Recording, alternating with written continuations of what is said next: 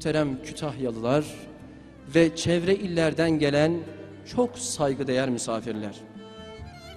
Siyer Araştırmaları Merkezi'nin öncülüğünde Adana'da Hazreti Ebu Bekir radıyallahu anh ile başlayan Mardin'de Selman-ı Farisi radıyallahu anh Zonguldak'ta Cabir bin Abdullah radıyallahu anh Konya'da Hazreti Ömer radıyallahu anh ile devam eden 82 il, 82 sahabe projesinin 15.si şehrimizde yapılmaktadır.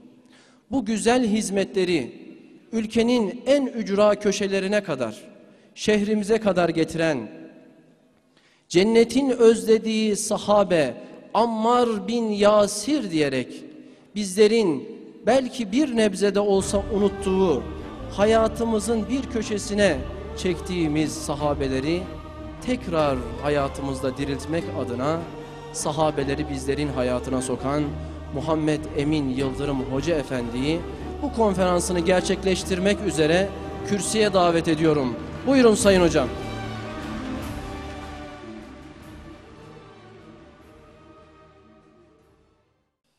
Euzu billahi mineşşeytanirracim. Bismillahirrahmanirrahim. Elhamdülillahi rabbil alamin. Ves salatu vesselamu ala rasulina Muhammedin ve ala alihi ve ashabihi ve etbaihi ecmaîn. Allah'a hamd, onun peygamberi Aleyhissalatu vesselam Efendimiz'e selat ve selam Ammar bin Yasir adına kurulan bu sofraya teşrif eden bütün kardeşlerime de selam olsun. Selam olsun en büyük derdi Allah'a kul olmak, Abdullah olmak olanlara. Selam olsun kulluğu kendine dert edindiği için yeryüzünün en has kulları olan, en ideal kulları olan, en güzel kulları olan sahabe neslinin sevgisiyle yürüyüp kulluklarını o güzel insanların kulluklarına yaklaştırmaya çalışanlara olsun. Selam olsun imanı kendine dert edinenlere, iman gibi bir dertleri olduğu için kurtulma gibi bir dertleri olduğu için kurtarma adına çırpınanlara. Selam olsun yaşamak için yaşayanlara değil yaşatmak için yaşayanlara. Varlıklarını nimetlerini güçlerini kuvvetlerini Allah'ın memnun olacağı işlere hasredip onun memnun olacağı işler yolunda geçirenlere selam olsun Allah'tan her durumda razı olan ve her durumda onu razı etmek için gayret gösterenlere İnşallah sizler bizler bu selama layık olanlardan oluruz da o zaman Esselamu aleykum ve rahmetullahi ve berekatu selamının gerçek manada bir değeri olur. Allah o değere layık olanlardan eylesin. Bu duygularla hepinizi Allah'ın selamıyla, rahmetiyle, bereketinin üzerinize olmasıyla selamlıyorum. Rabbimizin de bize selam ismiyle muamelede bulunmasını niyaz ediyorum.'' Aziz kardeşlerim 82 il 82 sahabi deyip yola çıktık. Arzumuzu kardeşler söyledi. Aslında ben de bidayetinde onu söyledim. Derdimiz Abdullah olmak değil mi? Allah'a kul olmak değil mi? Dert böyleyse eğer bize model gerekmez mi? Örnek gerekmez mi? Bize numune lazım değil mi? Elbette ki lazım. Elbette ki biz örnek olarak önümüzde bazı modelleri görerek bazı şeyleri yapabiliriz.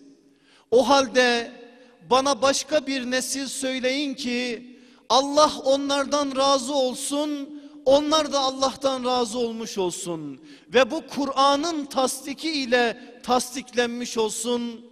Gidip onları taklit edelim. Başka bir nesil yok ki onların yolunda yürümeye çalışalım. Bu manada bu şerefi elde etmiş sadece ve sadece sahabe neslidir. Biz de bunun için bu topraklarla bir şekilde bağı olan ashab-ı kiram efendilerimizi tanımak için bu yürüyüşün içerisindeyiz. Mevla 15. programda Kütahya'da bizleri buluşturdu. İnşallah hitamına da erdirsin. İnşallah örnek olsun, model olsun. Başkaları daha güzel çalışmalar ortaya koysun. Bizi de o güzel çalışmaların hizmetkarı eylesin. Bugün burada biz Ammar bin Yasir diyeceğiz. Cennetin özlediği sahabi serlevhası altında aleyhissalatü vesselam Efendimizin mübarek ellerinde yetişmiş bir yiğit insanı, bir mücahidi, bir müvahhidi, hak ve hakikat adına ortaya çıkmış bir mihenk taşını, hakkın ve hakikatin sarsılmaz tablosu ve örneğini ve annesi de babası da şehit olmuş. Kendisi de anne ve babasının yolunda şehadete yürümüş bir şehidi, bir şehadet sevdalısını anlamaya çalışacağız. Neden Kütahya'da Ammar bin Yasir? Onun için birkaç cümle söylememe müsaade edin. Kütahya Malazgirt seferinden bu tarafa ezanla buluşmuş bir İslam şehridir elhamdülillah. Bu şehre girer girmez zaten siz içinde yaşıyorsunuz. Dışarıdan gelenlerin itirafı olarak onu söyleyeyim. Mescitleriyle, medreseleriyle bir İslam şehri olduğunu her haliyle haykırmakta. Allah kıyamete kadar da bu güzelliği bu şehrimizden, bu topraklardan mahrum etmesin inşallah. Malazgirt seferinden sonra Selçuklu döneminde, Germiyan oğullarında, Osmanlı döneminde mescitlerinin bolluğu ile her zaman Anadolu'da diğer şehirlerden farklı bir biçimde bir konumu olmuştur. Asr-ı saadette mescit dener denmez akla gelen ilk isim Ammar bin Yasir'dir. Neden biliyor musunuz? Çünkü Mescid-i Nebevi'de, Kuba'da, ileride Medine'de kurulacak diğer mescitlerde, Medine'den Şam'a giderken yol güzergahındaki bazı mescitlerde Ammar bin Yasir'in emeği vardır. O aslında bir yönüyle mescitleri imar eden bir mimar gibidir. Bir usta gibidir. Mescit yapma konusunda her daim alnının teri, elinin emeği o işin içerisinde vardır. Madem Kütahya bu özelliğiyle biliniyor.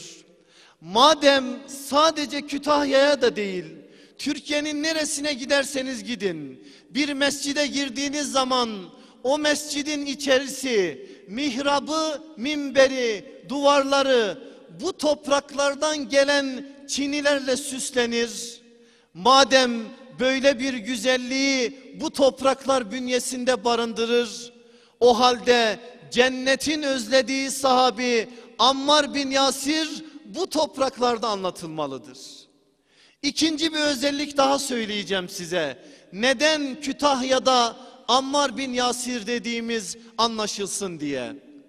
Eskişehir'de Ebu Zer-i Gıfari dedik. Sebebi şuydu. O bölgenin tarihteki adı Ammuriye'ydi. Ammuriye fetihleri sırasında Hazreti Ebu Zer gelip orada konakladığı için ayak izlerinin olduğu o topraklarda biz Hazreti Ebu Zer demiştik. Eskişehir'de Ammar bin Yasir'in yine yakın bir arkadaşı olan Abdullah İbni Caş dedik. Şehirlerin eskisinde eskimez bir hakikat olan kulluğu dile getirmek için eski şehirde Abdullah İbni Caş denmeliydi. Uşak'ta inşallah Miktat İbni Amr diyeceğiz. Bu üç isim buna bir dördüncü isim daha lazım ki asrı saadetteki o güzel resim tam anlamıyla ortaya çıksın. Çünkü asrı saadette bu dört isim hiçbir zaman birbirinden ayrılmamıştır. Mescid-i Nebevi'de otururken Ebu Zer, Abdullah İbni Caş, Miktat İbni Amr yanında Ammar bin Yasir. Bedre yürürken Ebu Zer o gün yok, üç isim orada. Ebu Zer Hendek'ten sonra gelecek, hangi gazve olursa olsun dört isim yan yana, kol kola Allah'ın kelimesini yüceltmek için o meydanda. Efendimiz Aleyhisselatü Vesselam'ın sünnetlerinden bir tanesini size söyleyeyim. Efendimiz sevenleri birbirinden ayırmazdı. Böyle bir sünnet duydunuz mu? Duyun. Bu da bir sünnet. Sevenleri birbirinden ayırmazdı. Uhud'da şehit oldu 70 insan. O gün 50 tane kabir kazılmıştı. Ya Resulallah kimi kiminle gömelim dedikleri zaman sevenleri sevenlerle gömün diyecekti. O gün Hamza'nın üzerine Abdullah İbni Caş konacaktı. O gün Amr İbni Cemuh'un üzerine Cabir İbni Abdullah'ın babası Abdullah İbni Amr konulacaktı. Sebebi buydu. Madem bizim yolumuzun yegane rehberi olan Aleyhisselatü Vesselam Efendimiz sevenleri birbirinden ayırmıyor. Biz de bu dört şehirde birbirine yakın olan bu dört şehirde o dört güzeli birbirinden ayırmayalım dedik. Oralarda onları burada da Ammar bin Yasir dedik. İnşallah isabet kaydetmişizdir. Ammar bin Yasir buraya yakışır. Burası da Ammar bin Yasir'e yakışır. Asıl yakışması da buradan onun adına kurulan bu meclisten eğer hayatlarımıza bir şeyler taşıyabilirsek o zaman maksat hasıl olacak. O zaman asıl alacaklarımızı alacağız. Mevla hepimize bunu nasip eylesin. Gelin onun hayat defterinin sayfalarını şöyle bir çevirelim. Babası Yasir bin Amir çok iyi tanıyorsunuz. Aslında o İslam'ın ilk şehit ailesinin babası. İlk şehit ailesi sözümün altını çizin oraya bir daha döneceğiz. Aslen Yemenli bu zat. Yemen'de oturuyor. Dört erkek kardeşi var. Kendisiyle beraber. O erkek kardeşlerinden bir tanesi ticari maksatla Yemen'den çıkıyor. Şam'a doğru giderken uzun bir süre dönmüyor. Dönmeyince Yemen'de olan üç kardeş kaybolan kardeşlerini arama maksadıyla Yemen'den yola çıkıyorlar. Mekke'ye geliyorlar. Mekke'den Şam'a doğru gidecekler. Ama sevki ilahi diye bir şey vardır. Allah'ın sevk etmesi, Allah'ın bir an alana bir noktaya kanalize etmesi buna istihdam ilahi de diyebiliriz. Böyle bir sevki ilahi olacağı için üç kardeş içlerinde Yasir de olmak üzere Mekke'ye geldikleri zaman aradıkları kardeşi bulamazlar. Ama Yasir diğer kardeşlerine der ki ben bu toprakları çok sevdim. Siz Yemen'e dönseniz dahi ben burada kalacağım der. Allah ona bir rol biçmiş. O Ammar'ın babası olacak. Yasir olacak. İslam'ın ilk şehit ailesinin babası olacak. Onun için istihdam ilahiye onun adına böyle işleyecek. Mekke'de kalıyor ama o günler Mekke'de bir kural var. Öyle her gelen o gün istediği yerde kalamaz. Nasıl bugün pasaport var, nasıl bugün vize var, o günün Mekke'sinde de sosyal kural olarak sayılı birinin himayesi altına girmek var. Yasir kimin himayesi altına giriyor? Beni, Mugi, Me, Beni Mahsum'dan Ebu Huzeyfe İbni Mughire diye bilinen zatın himayesinin altına giriyor. Bu zat Ebu Cehil'in amcasının oğlu, bu zat Halid bin Velid'in amcasının oğlu. Onların yanında kalıyor. Yıllar sonra anne Sümeyye de geliyor. Sümeyye İbni Habbat ya da diğer bir okuyuşla Sümeyye İbni Hubbat. Nereli? İki rivayet var.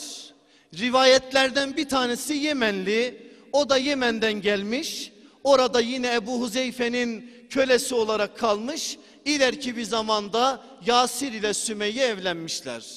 Ama Muhammed Hamidullah Hoca Allah kendisine ebeden rahmet etsin. Bazı araştırmalarla şu kanaate varmış. Sümeyye aslen İranlı bir Türk. Kuzey İran'da yaşamış. İsmi Bamıh olan, asıl ismi Pamuk olan bir Türk kızıdır.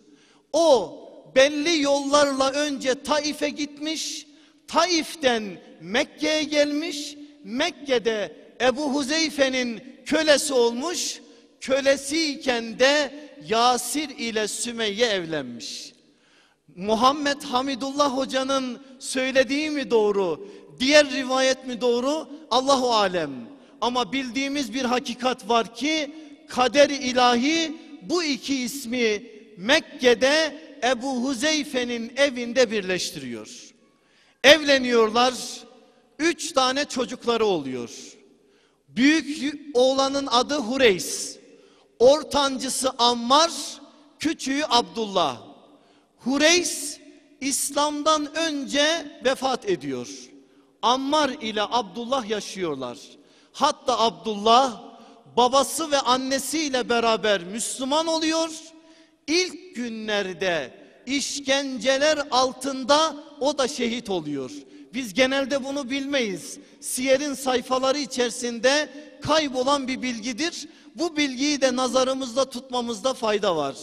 Abdullah da babası Yasir ile annesi Sümeyye ile birlikte şehit olan ilk İslam ailesinin ferdidir. Bu ailesi için söylediklerimiz. Şimdi Ammar bin Yasir dediğim zaman Çağrı filminden midir nedir? Aklımızda hep şöyle bir şey var. Yağız genç bir delikanlı. Yaşı Ali gibi, Sad bin Ebi Vakkas gibi, Zübeyir bin Avvam gibi, Talha İbni Ubeydullah gibi hepsine selam olsun radıyallahu anhu mecmain İslam'ın yüz akı olan gençler onlar. Ammar bin Yasir de aklımızda öyledir. Genç bir delikanlı ama öyle değil. Ammar Müslüman olduğu gün tam 46 yaşındaydı. Aleyhissalatu vesselam Efendimiz'den 6 yaş büyüktü. İman eden ilk 45 sahabi içerisinden 3-4 tane Efendimiz'den yaşça büyük olanlar vardı. Yasir, Sümeyye, Ammar, Hazreti Hatice gibi 3-5 tane Efendimiz'den yaşça büyük olanlar vardı. Ammar'ın doğum tarihi miladi olarak 564'tür. O belki yaşça Efendimiz'den büyüktü. İman ettiğinde yaşı 46 idi ama gerçekten İslam'ın bir delikanlısı gibi İslam'a hizmet eden yiğitlerden, mücahitlerden, müvahitlerden bir tanesiydi. 564'te doğdu Mekke'de. Mekke'deki 46 yıllık hayatı şirke bulaşmadan ama İslam'la da tanışmadan daha İslam yok ortada. Mevcut dini yapıdan rahatsız bir biçimde hayatını devam ettirmiş bir şekilde devam etti. Yaşı 46 olduğunda miladi 610 olmuştu. Kadir gecesinde Allah Resulü aleyhissalatü vesselam vahyin ilk mesajlarını alıp Hatice'sine ulaştırdığında ondan sonra evden eve o mesajlar yayıldığında İslam'a iman edip gelen insan sayısı 20-25'e varmamıştı ki Ammar bin Yasir de bu İslam'ın mesajlarından haberdar olmuştu. Nasıl haberdar olmuş? Bir gün aleyhissalatü vesselam Efendimizin Kur'an okuyan o sedasını duymuştu. Daha da bilgi almak için sormuş soruşturmuş. Nerede Allah Resulü aleyhissalatü vesselam Erkam bin Ebil Erkam'ın evinde Darul Erkam diye tarihe geçen İslam'ın o ilk mektebinde evin yerini biliyor. Çünkü Erkam bin Ebil Erkam da beni mahsumdan o da beni mahsumun içerisinde olduğu için onun evini biliyor. Kimselere sezdirmeden sessiz bir biçimde o evin kapısına gidiyor. Kapıya vardığında kapının önünde bir yiğit daha görüyor. O yiğit kim? Süheyb Rumi. O da o maksatla gelmiş. O da o anda içeriye girip iman şerbetini o anda içeceklerden. Ama birbirlerine ne maksatla geldiklerini söylemeden önce sezdirmemeye çalışıyorlar. Ve Ammar bin Yasir Süheyb Rumi'ye soruyor. Ne işin var burada? Süheyb Rumi diyor ki senin ne işin varsa benim de o işim var. O onu söyleyince ikisi beraberce aleyhissalatü vesselam Efendimizin huzuruna giriyorlar. Ve o anda ikisi beraber o mecliste La ilahe illallah Muhammedun Resulullah kelime-i tayyibesini söyleyerek iman halkasının birer ferdi oluyorlar. Ammar bin Yasir diyor ki ikimiz iman ettiğimizde sayı daha 30 olmamıştı. İlk iman edenler. O gün diyor ben akşama kadar Darul Erkam'dan çıkmadım. Sabahtan akşama kadar Aleyhisselatü Vesselam Efendimizin dizlerinin dibinde durdum. Ondan bu yeni dine dair bazı hakikatleri öğrenmeye çalıştım. Akşam olunca eve geldim. O gün onun için bambaşka bir gündü. O günden sonra Ammar bin Yasir'in gidip geldiği bir mekteptir Darul Erkam. Gidip gelecek, Allah'ın ayetlerini öğrenecek. Ancak sahabeyle bizim aramızdaki bir farka burada dikkat çekeceğim.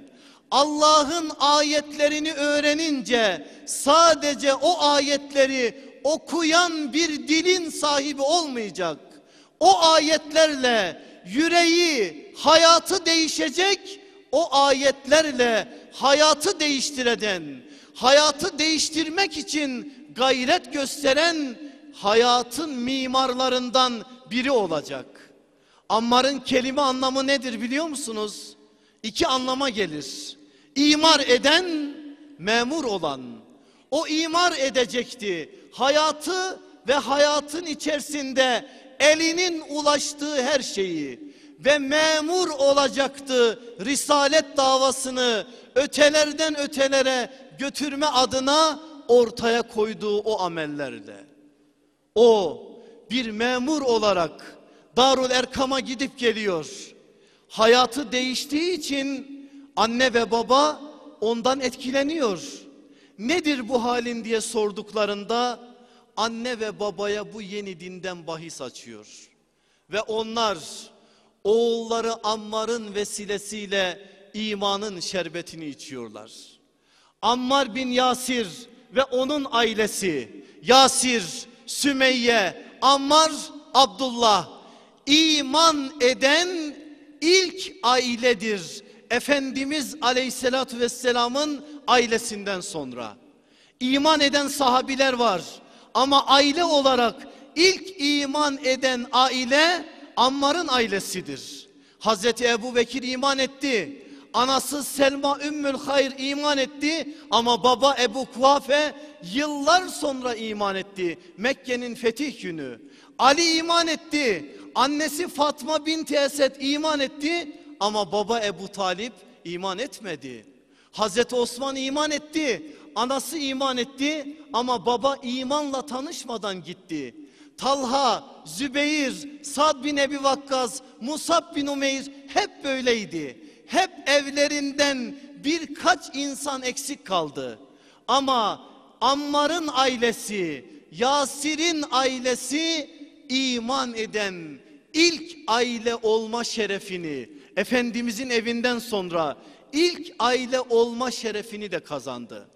İman etti. O günler iman pahalıydı. La demek gerçekten yıkıyordu. İllallah demek bir şeyleri de inşa ediyordu. La dediği için bir şeyler yerinden sarsılıyordu. İllallah deyince bir şeyler inşa oluyordu. Yasir'in evi la demişti gerçek manada. İllallah demişti gerçek manada. Böyle olunca da Mekke'de batılın tarafında olanlar karşı çıkmışlardı. Ve başlamıştı işkenceler, tehditler, sıkıntılar. Öyle ki onlar kadar işkencelere maruz kalan başka sahabiler yok. Başka sahabilerin de işkenceye maruz kaldıklarını biliyoruz. Ama onlar kadar şiddetli, işin neticesinde hayatlarıyla ödedikleri o işkenceyi onlar kadar tadan sahabiler yoktu. Niye peki? Onlar Mekkeli değildiler. Aileleri yoktu. Destekleri yoktu. Arkalarında kimse olmadığı için Mekke diyordu ki madem bunlar sahipsiz işkencede onlara karşı öyle acımasız olalım ki başkaları bundan korksun iman adına yürümesinler. Ve onlar işkencenin en şiddetlilerini hayatlarının o zorlu süreçlerinde yaşadılar. 3-4 sene bila kesintisiz. Dayanmak mümkün müdür? Size şimdi anlatsam, sadece anlatsam, yaşamayan bizler bile o işkenceler altında inleriz biliyor musunuz? Onun için siz sadece tahayyül edin, edin ama oralara fazla girmeyelim. O işkencelerin altında inlerken Ammar da o işkenceleri görüp o işkenceler altında inlerip anne ve babasına yapılan işkenceleri de gördü. Aslında insanın kendisine yapılan işkencelere dayanmaya gücü belki yetebilir. Hangi işkence türü olursa olsun eğer bünye biraz sağlamsa dayanabilir. Ama bir insanın sevdiklerine işkence yapılması o insanı yıkabilir. Ammar çok dayandı ama bir gün yıkıldı. Bir gün yıkıldı. Onların memnun olacağı sözler söyledi. Lat'ı ve Uzza'yı övdü. Efendimiz Aleyhisselatü Vesselam'a kötü sözler söyledi. Ve onlar bunu yaptığı için Ammar'ı bıraktılar. Geldi Aleyhisselatü Vesselam'ın huzuruna. Gözünden yaşlar akıyordu. Ya Resulallah dedi. İmanımı koruyamadım ben. Onların işkencelerine, baskılarına dayanamadım.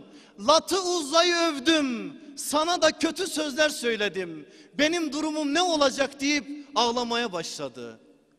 Aleyhissalatü vesselam Efendimiz mübarek elleriyle Selman'ın Ammar'ın gözyaşlarını sildi. Ve Ammar bin Yasir'e dedi ki Ammar sen o sözleri söylerken kalbin nasıldı? Ya Resulallah kalbim imanla doluydu. Eğer kalbin imanla doluyduysa sen o sözlerden dolayı mesul değilsin. Bir daha aynı işkencelere maruz kalsan, bir daha öyle sıkıntılarla karşı karşıya kalsan yine aynısını yapabilirsin. Efendimiz bu ruhsatı verdi. Arkasından Nahl suresinin 106. ayeti nazil oldu. Sebebi nüzul kitaplarına bakın. Bu ayetin ne için indiğini göreceksiniz. Ayet Ammar gibi olanları söylüyordu. Kalbi imanla dolu olmasına rağmen işkenceler altında, baskılar altında Allah'ı inkar eden müstesna, Allah'ı inkar edene Allah'ın büyük bir azabı vardır. Sadece istisna kimdir? Baskı altında, işkence altında, zor altında o sözü söyleyendir. Kur'an onun o halini tasdik etmiş. Efendimiz ona o manada ruhsat vermiş. Peki dostlar, Ammar bin Yasir bir daha o kötü sözleri söylemiş midir? Hayır. Bir kez, bir kez söylemiş, ruhsat olmasına rağmen, ayet ona bu konuda yol açmasına rağmen, tarih bir kez daha Ammar'ın dilinden inkara ait şeyleri duymamışlar. O gün çok darlanmış. Anne ve babasının işkencelerini de görmüş, bunu yapmış. Efendimiz aleyhissalatü vesselam o iman ailesini ziyaret ediyor. Ne diyor o iman ailesine? Söylediği söz şu. Sabredin ey Yasir ailesi sabredin kavuşmamız cennette. Onlara cenneti söylüyor. Cennetin özlediği sahabi diyoruz bakın. Cennet daha ilk günlerde Yasir'in ailesine veriliyor. Müjde olarak veriliyor. Yasir var, Sümeyye var, Abdullah var, Ammar var o müjdenin içerisinde. Onlar ilk günlerde bu müjdenin muhatabı olacaklar. O günlere ait bir tabloyu anlatır kaynaklarımız. Demir bir zırh, kızgın güneşin altında bekletilmiş. Sonra o zırh Ammar bin Yasir'e giydirilmiş. O az ız- kızgın zırhın altında inliyor. Efendimiz varıyor yanına söylediği söz şu oluyor. Allah'ım nasıl sen İbrahim'e ateşi serin ve selamet kıldınsa Ammar'a da o ateşi serin ve selamet kıl.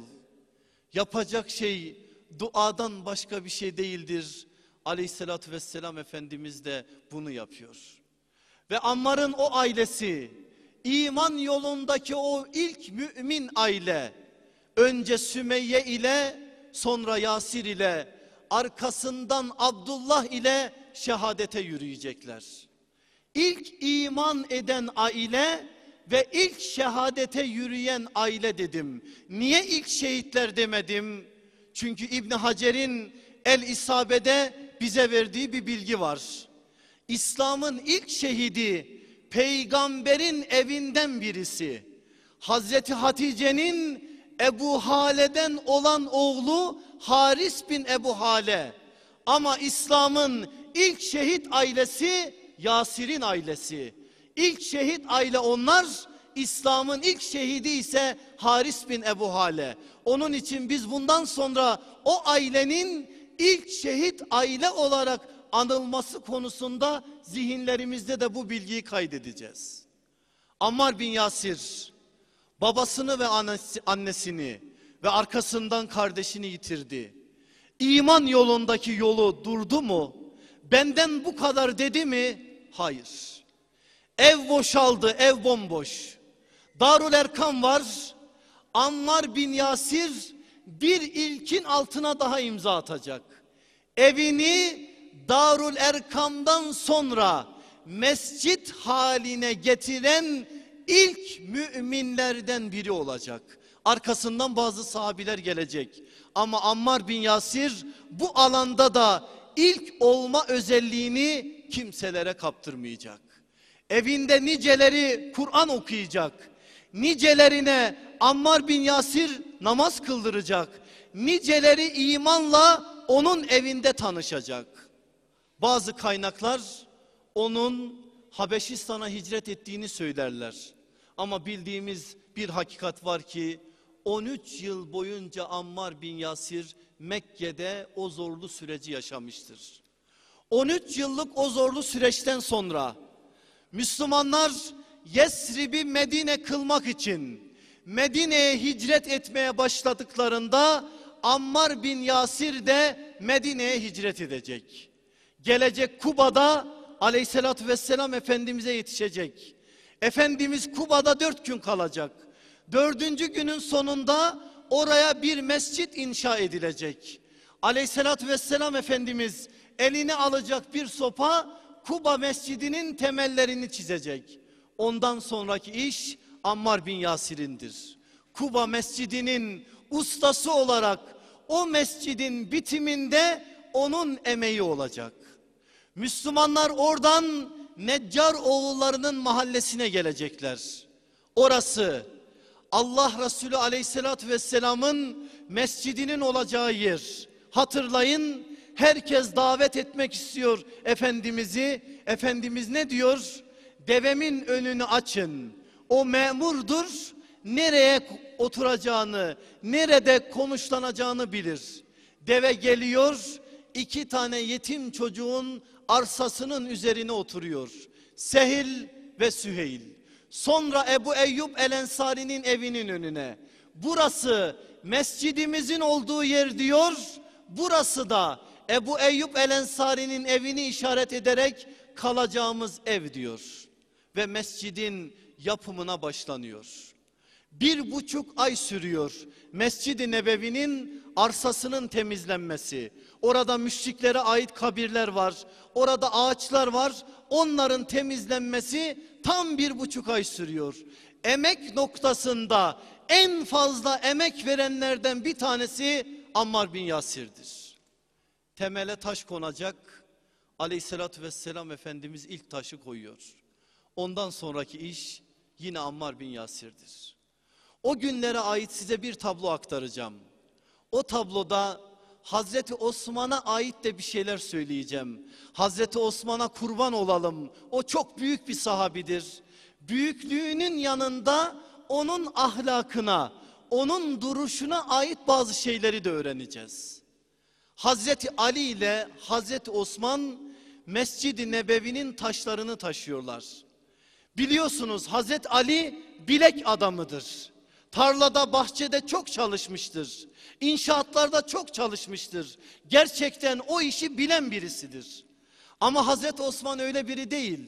Naif, zarif birisidir. Tüccardır, zengindir.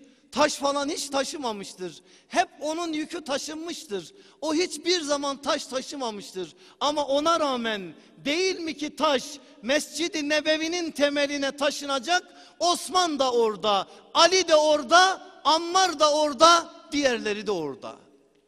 Hazreti Ali hızlı hızlı taş taşıyor. Hazreti Osman Efendimiz nasıl taşıyor? Şöyle taşı biraz kendinden uzak tutuyor, götürüyor bir yere koyuyor. Koyduktan sonra da bir iki dakika üstünü temizliyor. Hazreti Ali bunu görünce orada bir şiir okuyor. Şiirde şöyle bir cümle var.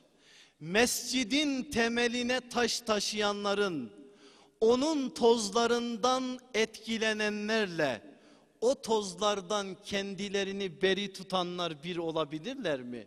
O tozu yutanla, o tozdan beri olan bir olur mu diye bir şiir okuyor. Hazreti Osman biraz bu şiire canı sıkılıyor ama hiçbir şey söylemiyor.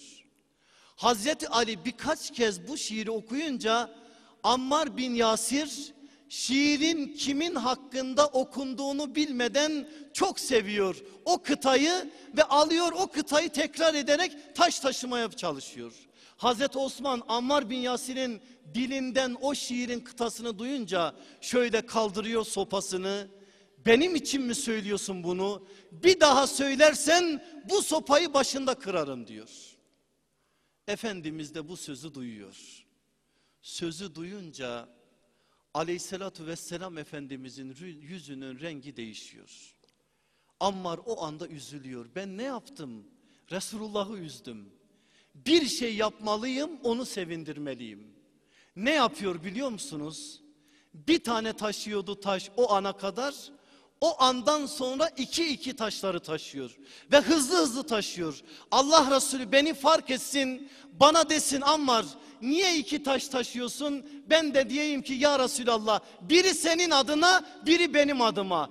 Böyle diyerek onun gönlünü hoş edeyim. En azından bana kızdı ya en azından ben onu kızdırdım ya hiç değilse öyle gönlünü alayım.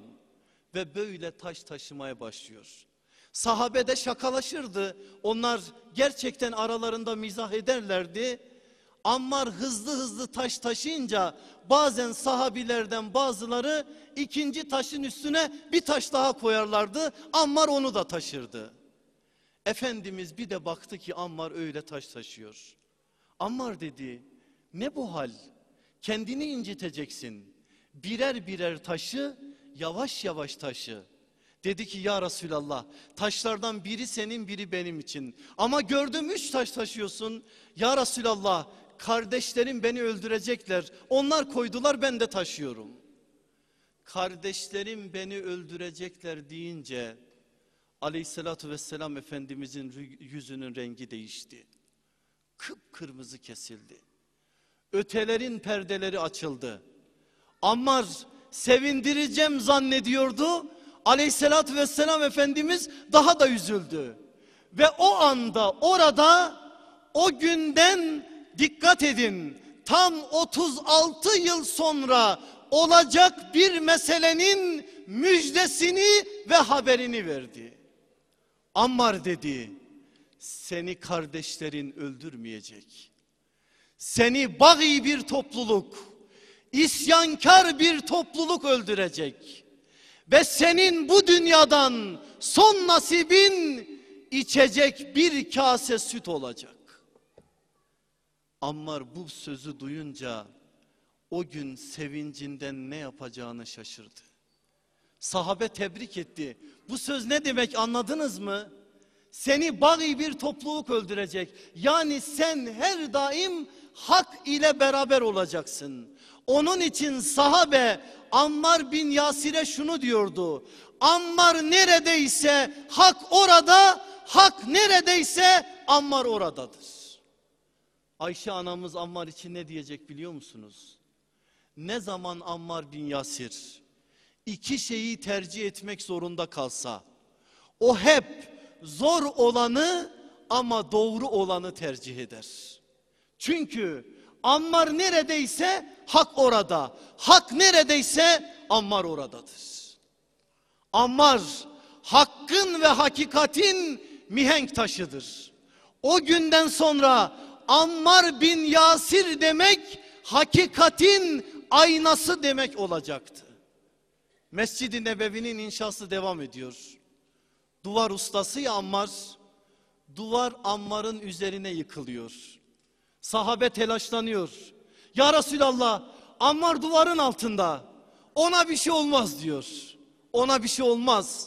Çünkü Efendimiz aleyhissalatü vesselam neyin ona ne zaman ulaşacağını bir ihbari gaybi ile almış. Haberi aldığı için ona bir şey olmaz diyor.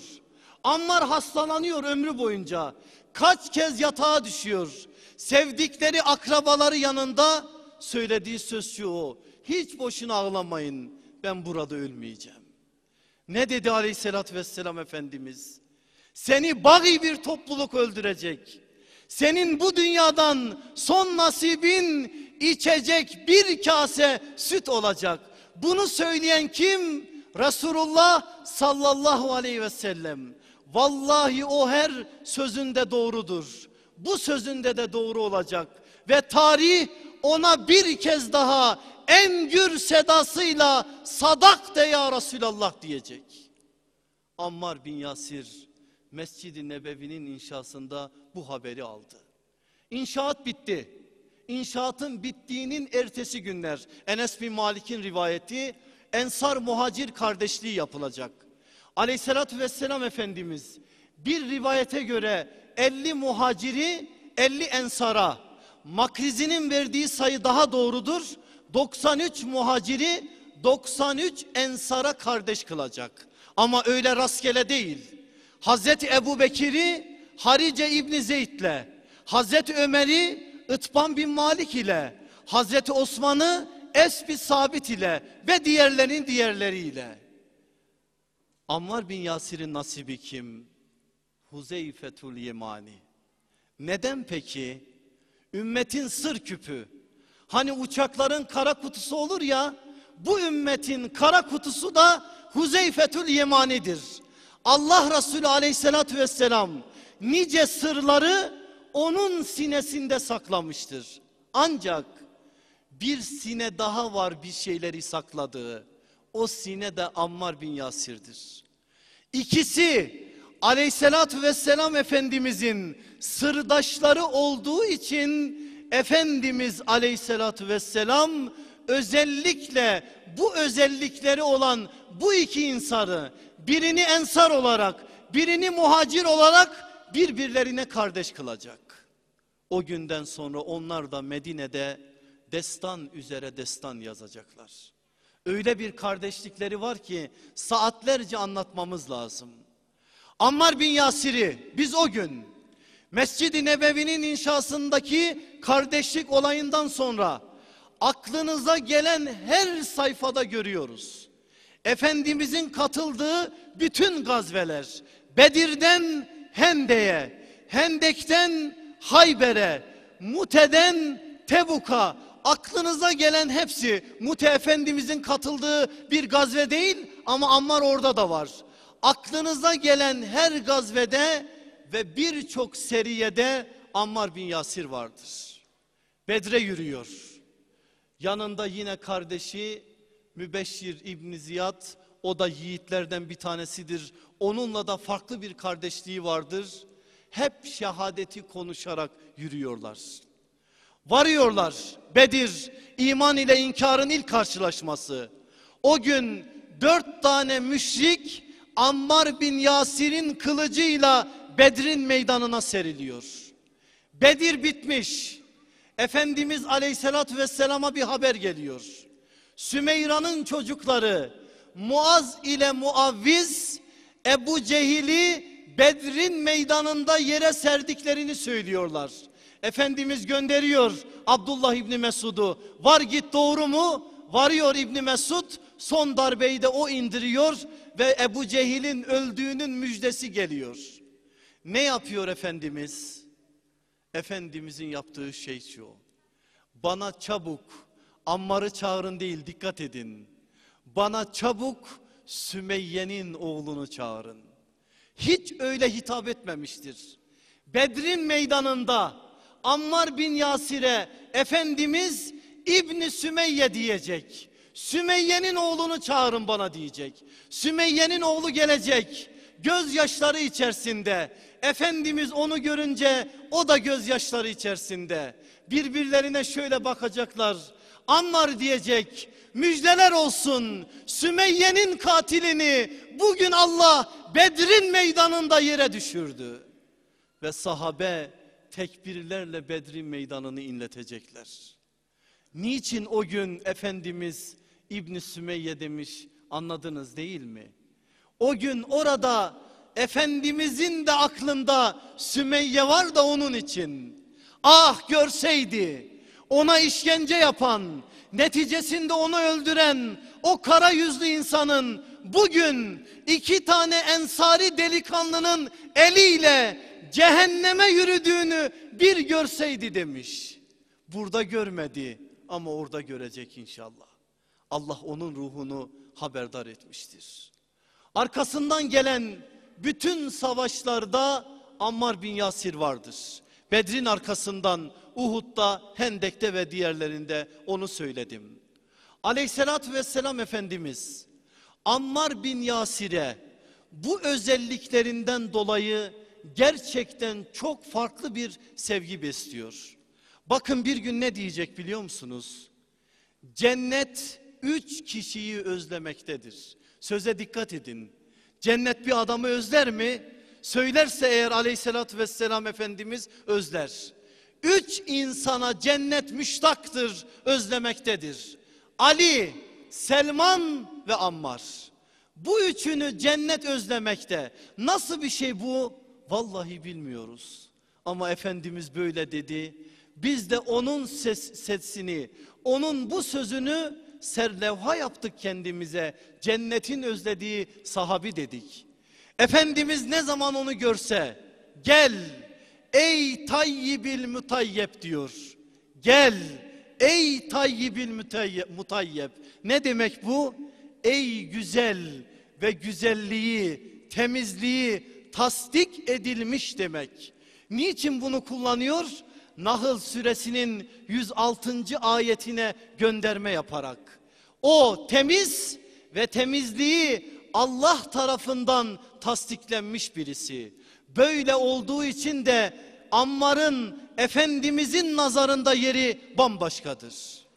Halit İbni Velid ile bir gün aralarında bir şey olmuş. Halit şikayete geliyor. Efendimiz'e Ammar'ı şikayet ediyor. Efendimizin yüzünün rengi değişiyor. Halit diyor o Ammar'dır. Onun şöyle şöyle özellikleri vardır. Ya Resulallah özür dilerim der. Anında çıkar Halit bin Velid kendi büyüklüğüne yakışır bir biçimde Ammar bin Yasir'den özür diler helallik ister. Efendimiz asla onun kırılmasına müsaade etmez. Asla onu birilerinin üzmesi noktasında bir şey kendine geldiği zaman tarafını onun karşısındaki birinin yanında yapmaz. Hep Ammar'ın yanındadır, hep Ammar'ın yanındadır.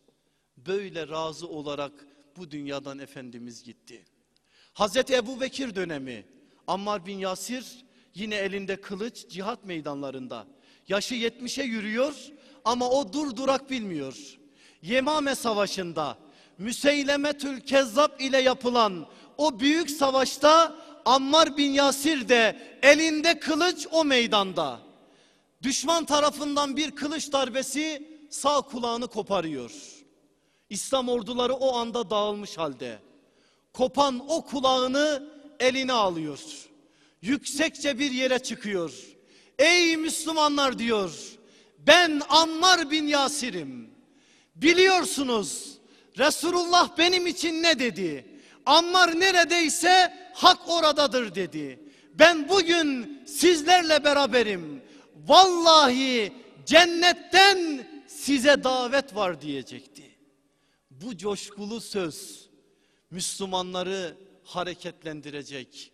Sonra Bera İbni Malik konuşacak. Sonra diğer sahabiler Müslümanlar toparlanıp yalancı peygamber Müseyleme'nin ordusunu Yemame'de o tarihi sayfanın içerisine gömecektiler. Ammar bin Yasir'in Hazreti Ömer dönemine bakıyoruz.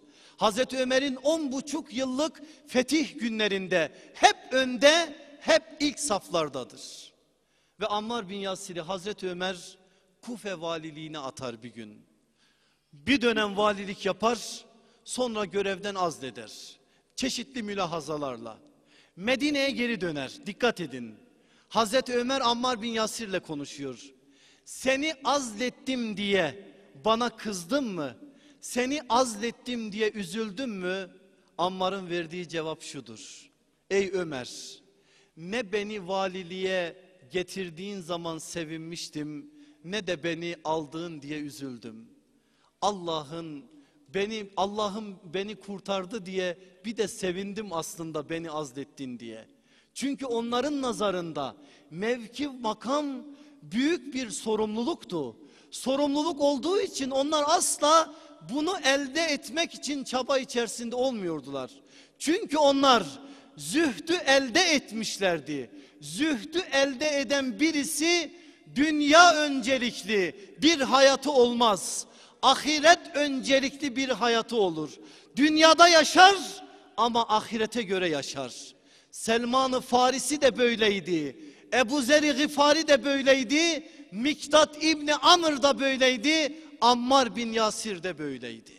Onun için o Hazreti Ömer onu aldığı için görevden hiç üzülmeyecektir. Hazreti Osman döneminde de meydanlardadır. Hazreti Osman'ı birkaç kez uyarır Beni Ümeyye'nin yaptığı yanlışlardan dolayı. Hazreti Osman onu çok sever o olay olmasına rağmen. Mısır'daki olayları araştırması için Hazreti Osman tarafından Mısır'a müfettiş olarak gönderilir. Ama sonraki olayları biliyorsunuz. Mısır asileri Hazreti Osman'ın evini kuşatacaklar ve Hazreti Osman'ı şehit edecekler. Sonra sahneye Hazreti Ali çıkacak. Hazreti Ali dördüncü halife olarak Müslümanlar tarafından biatı aldığında Ammar bin Yasir de ilk biat edenlerden bir tanesiydi. Ve o gün yaşı 90'a merdiven dayamıştı. 90 yaşındaki bir yiğitten, bir delikanlıdan bahsediyorum size. 90 yaşında Ali'nin yanında ve Ali'nin hep arkasında, Cemel'de, Sıffın'da hep Ali'nin yanında. Soruyorlar, niçin böyle? Diyor ki, siz duymadınız mı? Aleyhissalatü vesselam Efendimiz Hazreti Ali için ne dedi? Ne dedi diye merakla soruyorlar. Diyor ki, Aleyhissalatü vesselam Efendimiz dedi ki, Allah bu dünyada bir insana vereceği en güzel zinet zühtür. Ali de o zühdün sahibidir. Öyle ki dünya Ali'den ümidini kesmiştir. Dünya Ali'den ümidini kesmişse o zühdün bir kahramanıdır. Ben de onun arkasında son nefesime kadar yerimi alacağım demiştir. Demek ki Ammar bin Yasir'i Hazreti Ali'nin arkasına getiren Ali'nin hayatında olan zühdü. O zühdün bir kahramanı olarak zühd konusunda abidevi bir noktada duran Ali'nin arkasında bir ömür duracaktır.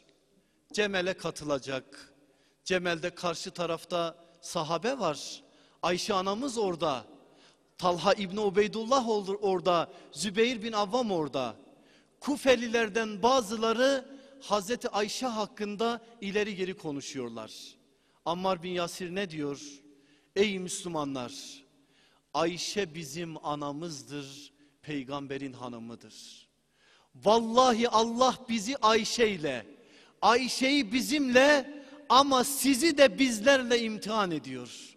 Dikkat edin ve bu imtihanı kaybetmeyin. Söz çok mühim bir sözdür. Üzerinde tefekkür etmenizi isterim. Allah bizi Ayşe ile, Ayşe'yi bizimle ama sizi de bizlerle imtihan ediyor. Dikkat edin ve bu imtihanı kazanın. O asla kendisinin karşısında da olsa hakikatine gölge düşürecek bir iş yapmayacak.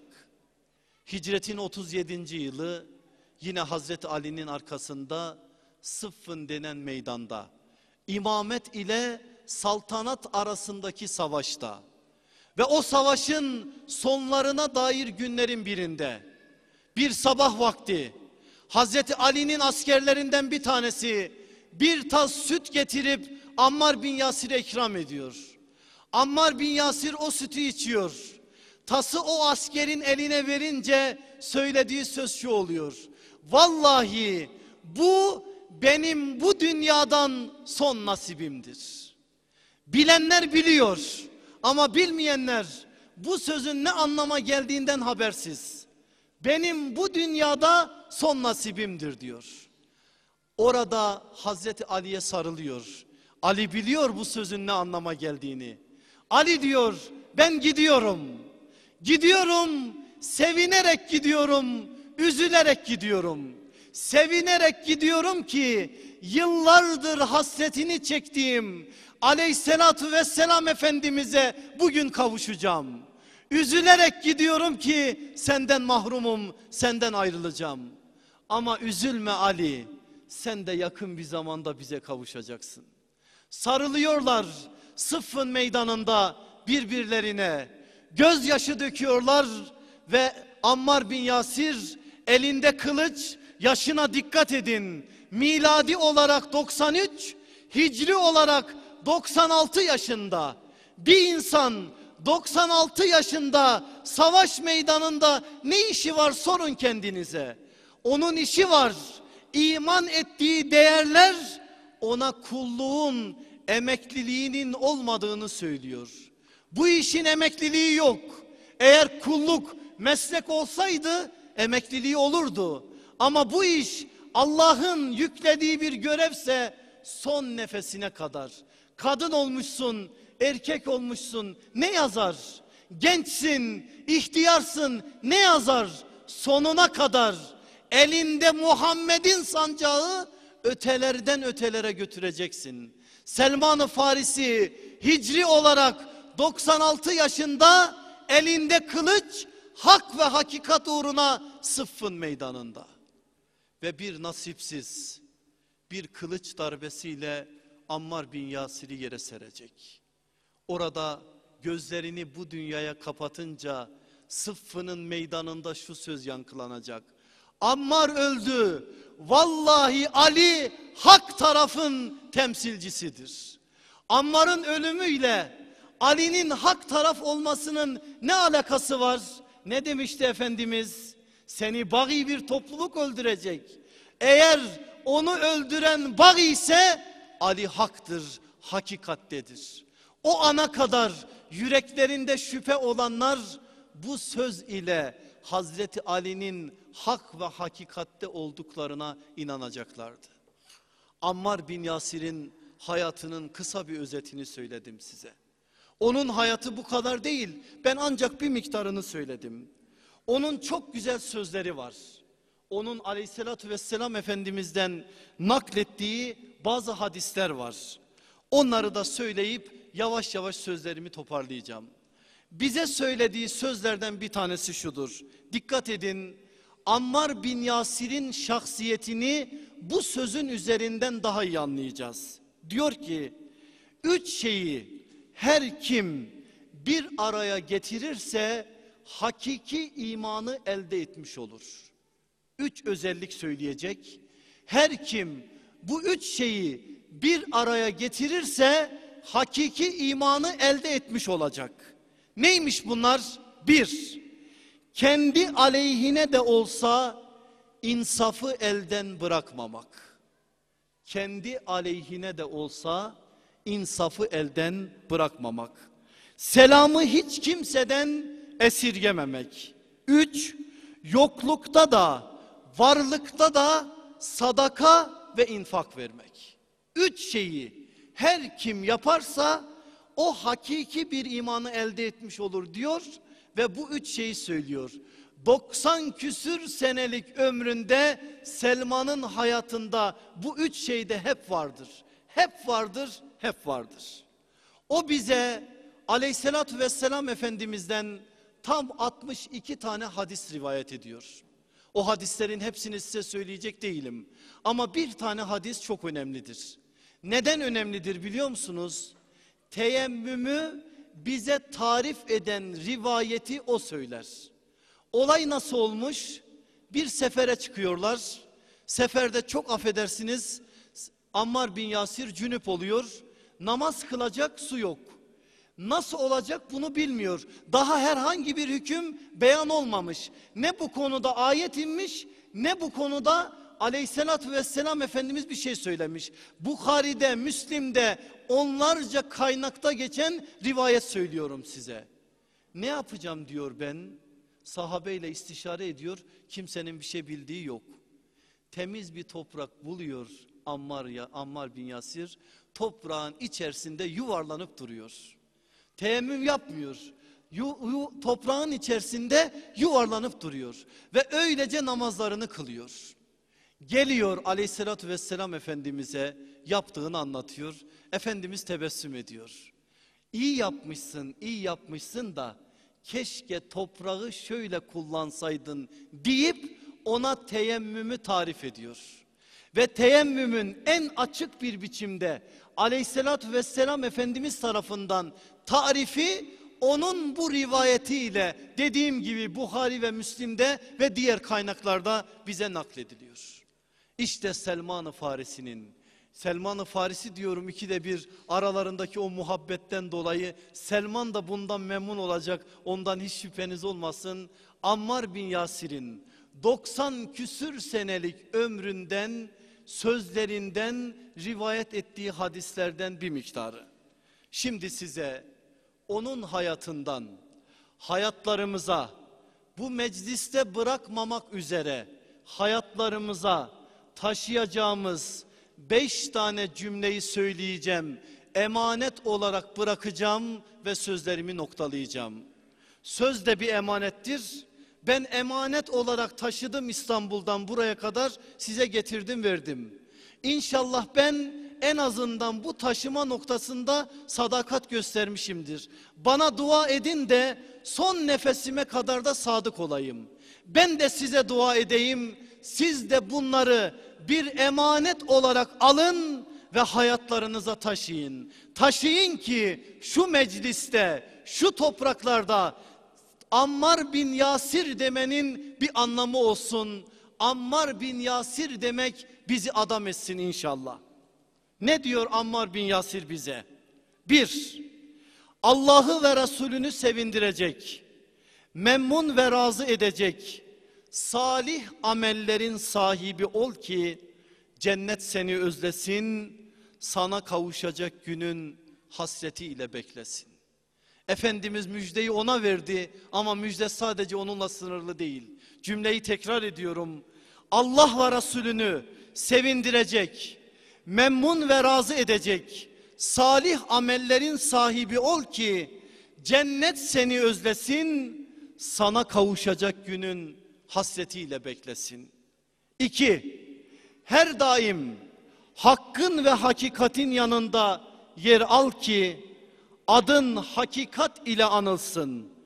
Dost düşman herkes seni hakikatin mihenk taşı olarak tanısın. Eğer sen hayatının büyük bir bölümünde hakikat üzere olursan millet senin için de şunu diyecek. Falanca varsa hakikat vardır diyecek. Ammar peygamberden müjde aldı ama o müjdeyi hayatıyla da destekledi. Siz de destekleyin hayatınızla. Hayatınızla hakikatin yanında olun. İnşallah hakikatin mihenk taşı olun. Üç, imanın hakikatlerini sadece dilde bırakmayıp yüreğinin derinliklerine iyice yerleştir ki kemiklerine, iliklerine kadar iman kesilesin, yatanlardan değil, iman davası uğruna koşanlardan olasın. Bir daha tekrar edeyim mi bu cümleyi? İmanın hakikatlerini sadece dilde bırakmayıp yüreğinin derinliklerine iyice yerleştir ki kemiklerine, iliklerine kadar iman kesilesin, yatanlardan değil, iman davası uğruna koşanlardan olasın. Ne diyordu biliyor musunuz Efendimiz Aleyhisselatü Vesselam? Şu Ammar'ı görüyor musunuz şunu? Görüyoruz ya Resulallah. Ammar kemiklerine ve iliklerine kadar iman kesilmiştir. Eğer kemiklerine ve iliklerine kadar iman kesilmese Allah aşkına anasını yitirdi babasını yitirdi benden bu kadar der yatardı. Kulağını kaybetti Yemame'de benden bu kadar der yatardı. Yatmadı. İman onu yatırmadı.